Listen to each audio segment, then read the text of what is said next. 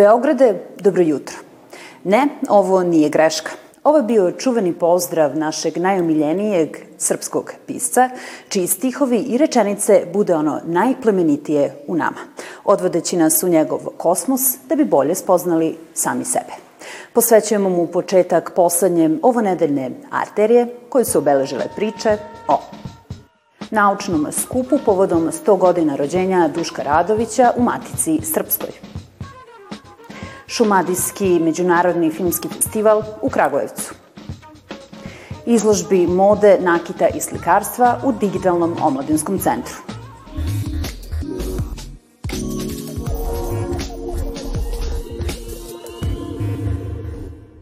Vek od rođenja autentičnog medijskog stvaraoca, duhovitog kritičara i analitičara našeg mentaliteta, okupio je dvadesetak književnih kritičara i istoričara koji su iz različitih aspekata osvetlili njegovo stvaralaštvo. Skup u Matici Srpskoj, pored akademika Matije Bećkovića i predsednika Matice Dragana Stanića, otvorio je i sin Duška Radovića, reditelj Miloš Radović. Dobrodošli. Hvala. Samo se članovi najuže porodice najbolje i poznaju. Po čemu najviše pamtite vašeg oca i koliko se razlikovala njegova porodična slika u odnosu na onu javnu? Moram da vam kažem da je moj otac imao jednu široku porodicu u kojoj su sem nas padali mnogobrojni njegovi prijatelji. Tako da je on provodio puno vremena s njima i ima nekih prijatelja kao što je Matija Večković i neki drugi koji verujem, Duška poznaju bolje nego i mi koji smo iz njegove najuže porodice. Tako da e, Duško je ustajao rano, vraćao se kasno e, i prilike da se upoznam bolje sa njim su bile kada sam odlazio u njegove razne kancelarije u kojima je radio u studiju B, u televiziji Beograd, u Borbi. E, tako da da odgovorim na vaše pitanje koji su najlepši trenuci, to su trenuci e, iz možda iz najranije mladosti, kada je Duško mi puno pisao, pisao mi je razrednice, pisao mi je pisma, e, ponekad kad sam bio na letovanjima ili kad sam bio u vojsci, pisao mi je pisma svaki dan.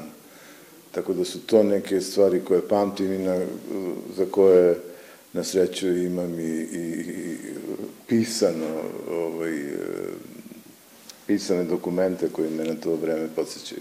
Šta vas je od umetnosti kojima se bavio vaš otac učio i koje ljudske kvalitete je zagovarao i na kojima je insistirao?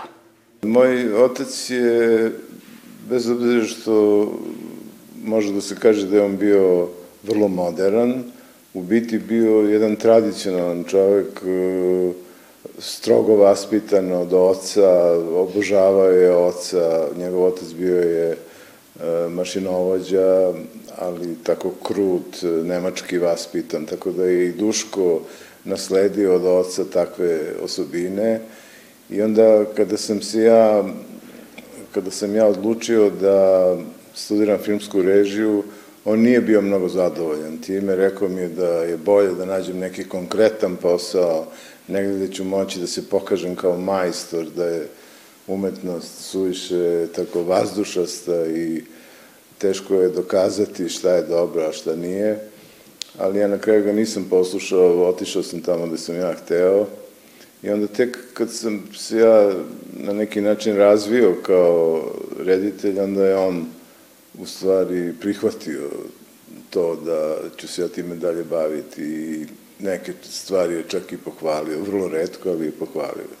Jubilej je bio i povod za monografiju 100 godina Duška Radovića, koja je promovisana krajem prošlog meseca u pozorištu koje nosi njegovo ime.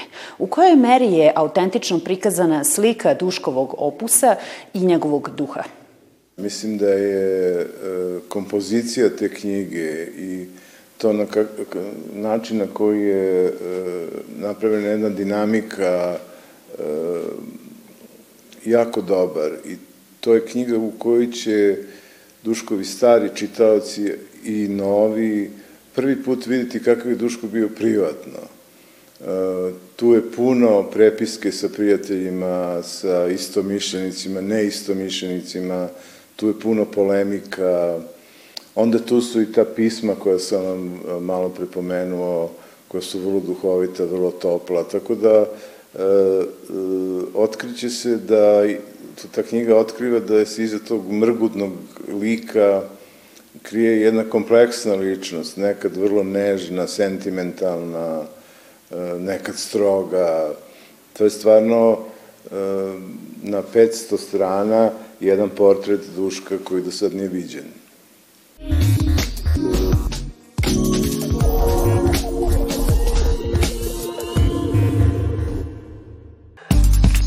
Sedmi put u Kragujevcu održava se Šumadijski internacionalni filmski festival. Jedan je od malobrojnih festivala u Evropi koji je zamišljen kao platforma za najistaknutija debitanska ostvarenja u godini za nama. Ove godine je karakteristično da su u pitanju uglavnom koprodukcije, negde je to trend i e, što se tiče evropskog filma, da se, da se, da kažemo, producenti udružuju. Imamo e, hrvatsko-srpsku koprodukciju, rumunsko-nemačku koprodukciju, e, makedonsko-srpsko-nemačku koprodukciju, tako da su uglavnom filmovi iz regiona, tako da će se ove godine e, predstaviti e, filmovi Trag divljači, Zlatni dečko, Kristina. Meni je to jako drago, više volim kad je tako neko intimnije, obično tu i manje filmova, pa se onda i tu posveti um, više pažnje svakom filmu. Čim je festival neki veliki, tih filmova je i sve nekako brzo ono prođe, dok je ovde ipak neki taj osjećaj, ponekad je lični da si ono naš, dobiješ neki tretman. Na festivalu se prikazuju dugometražni i kratkometražni filmovi dok posetioci aktivno učestvuju u glasanju u dugometražnoj sekciji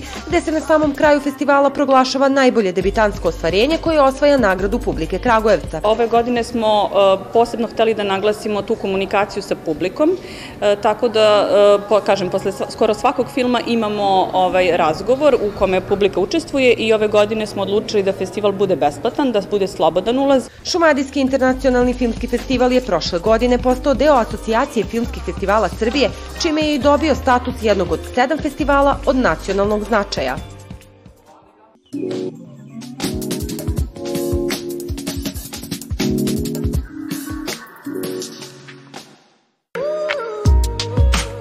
Nakon rekonstrukcije, Muzej grada Novog Sada na Petrovaradinskoj tvrđavi ponovo je otvorio svoja vrata. U renoviranom prostoru sa novom stalnom postavkom posetiocima prikazuje dinamičnu prošlost Petrovaradinske stene i kontinuitet nastanjivanja na tom strateški važnom mestu. Tako su predstavljeni predmeti iz perioda praistorije preko antike do izgradnja Austrougarskog utvrđenja koje tri veka odoleva vremenu prvi deo koji se odnosi na starije e, periode, e, starije kulture koje su koje beležimo na ovom prostoru, predstavljam pre svega kroz e, vredne arheološke predmete koji se čuvaju u Fondu muzeja grada Novog Sada i koji su nađeni tokom sistematskih arheoloških istraživanja i naravno kroz određene prigodne tekstove kroz koje su kolege arheolozi se potrudili da običnim posetiteljicima približe upravo te najstarije periode i način života i kulture koje su zabeležene na ovom prostoru. Ovaj e, drugi period, pre svega, dakle, srednjevekovni period, period e, kada se na ovom mestu nalazio manastir monaškog reda Cistercita, takozvani Belafons, zatim period kada ovde počinju austrijsko-turski sukobi, bitka kod Petrovaradina, izgradnja same Petrovaradinske tvrđave, predstavljene su opet kroz originalne predmete iz fonda Odeljenja za istoriju Prostorom dominira monoksil, čamac napravljen od jednog komada drveta. To najstarije plovilo pronađeno je potopljeno u Dunavu u blizini tvrđave sredinom prošlog veka. U sklopu izložbe posetioci i dalje mogu da prošetaju sada uređenim podzemnim galerijama gde se nalazi bunar koji je bio centar vodosnabdevanja tvrđave.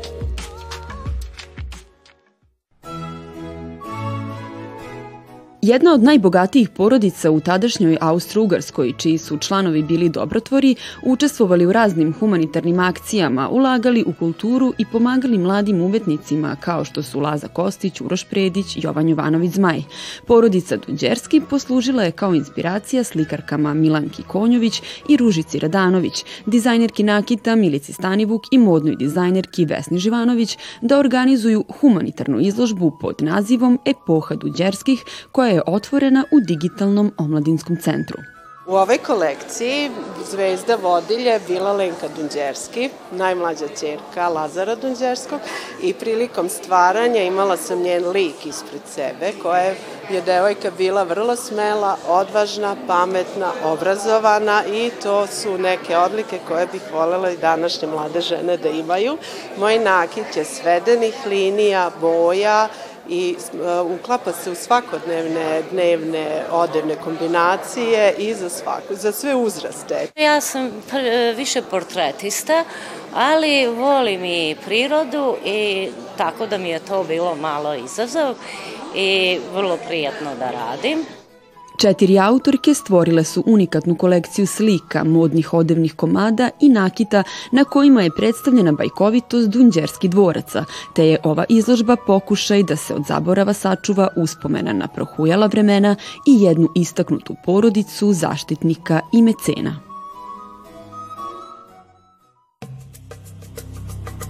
U studentskom domu Sajmište otvorena je izložba radova studenta iz Afrike koji uz pomoć razmene studenta kao i pomoći Ministarstva prosvete žive u domu i studiraju na Akademiji umetnosti u Novom Sadu.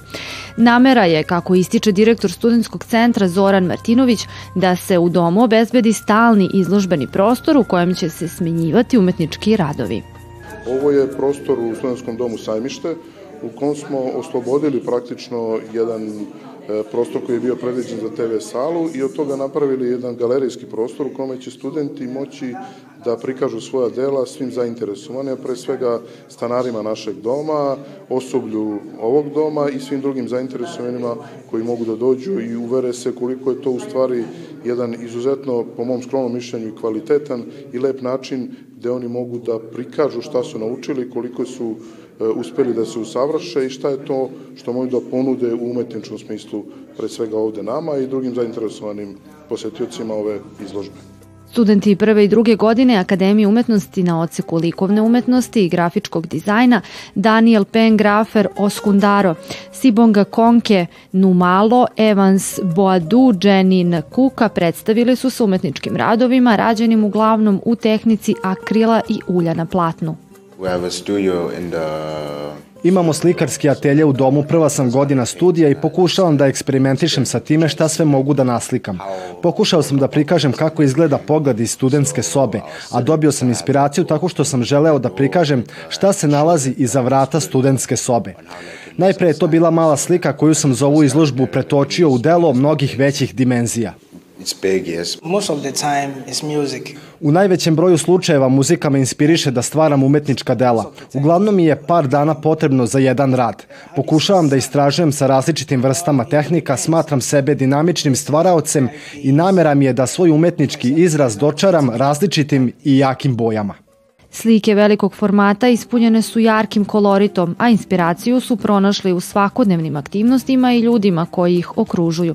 Kako kažu perspektivni mladi umetnici, želja im je da naprave izložbu većih razmera kako bi prikazali veći stvaralački opus. Nakon dve godine pauze, sutra će na sceni Mećavnik biti održan pozorišni dan pod nazivom Kustendorf igra, skraćena verzija festivala Theater Kustendorf, čiji osnivač reditelj Emir Kusturica. Obe večeri tokom vikenda u pozorištu mladih sviraće bend Darko Rundek i ekipa u okviru mini turneje po Srbiji. A u ponedeljak je novi susret sa kulturom u našoj i vašoj arteriji. Prijatelj!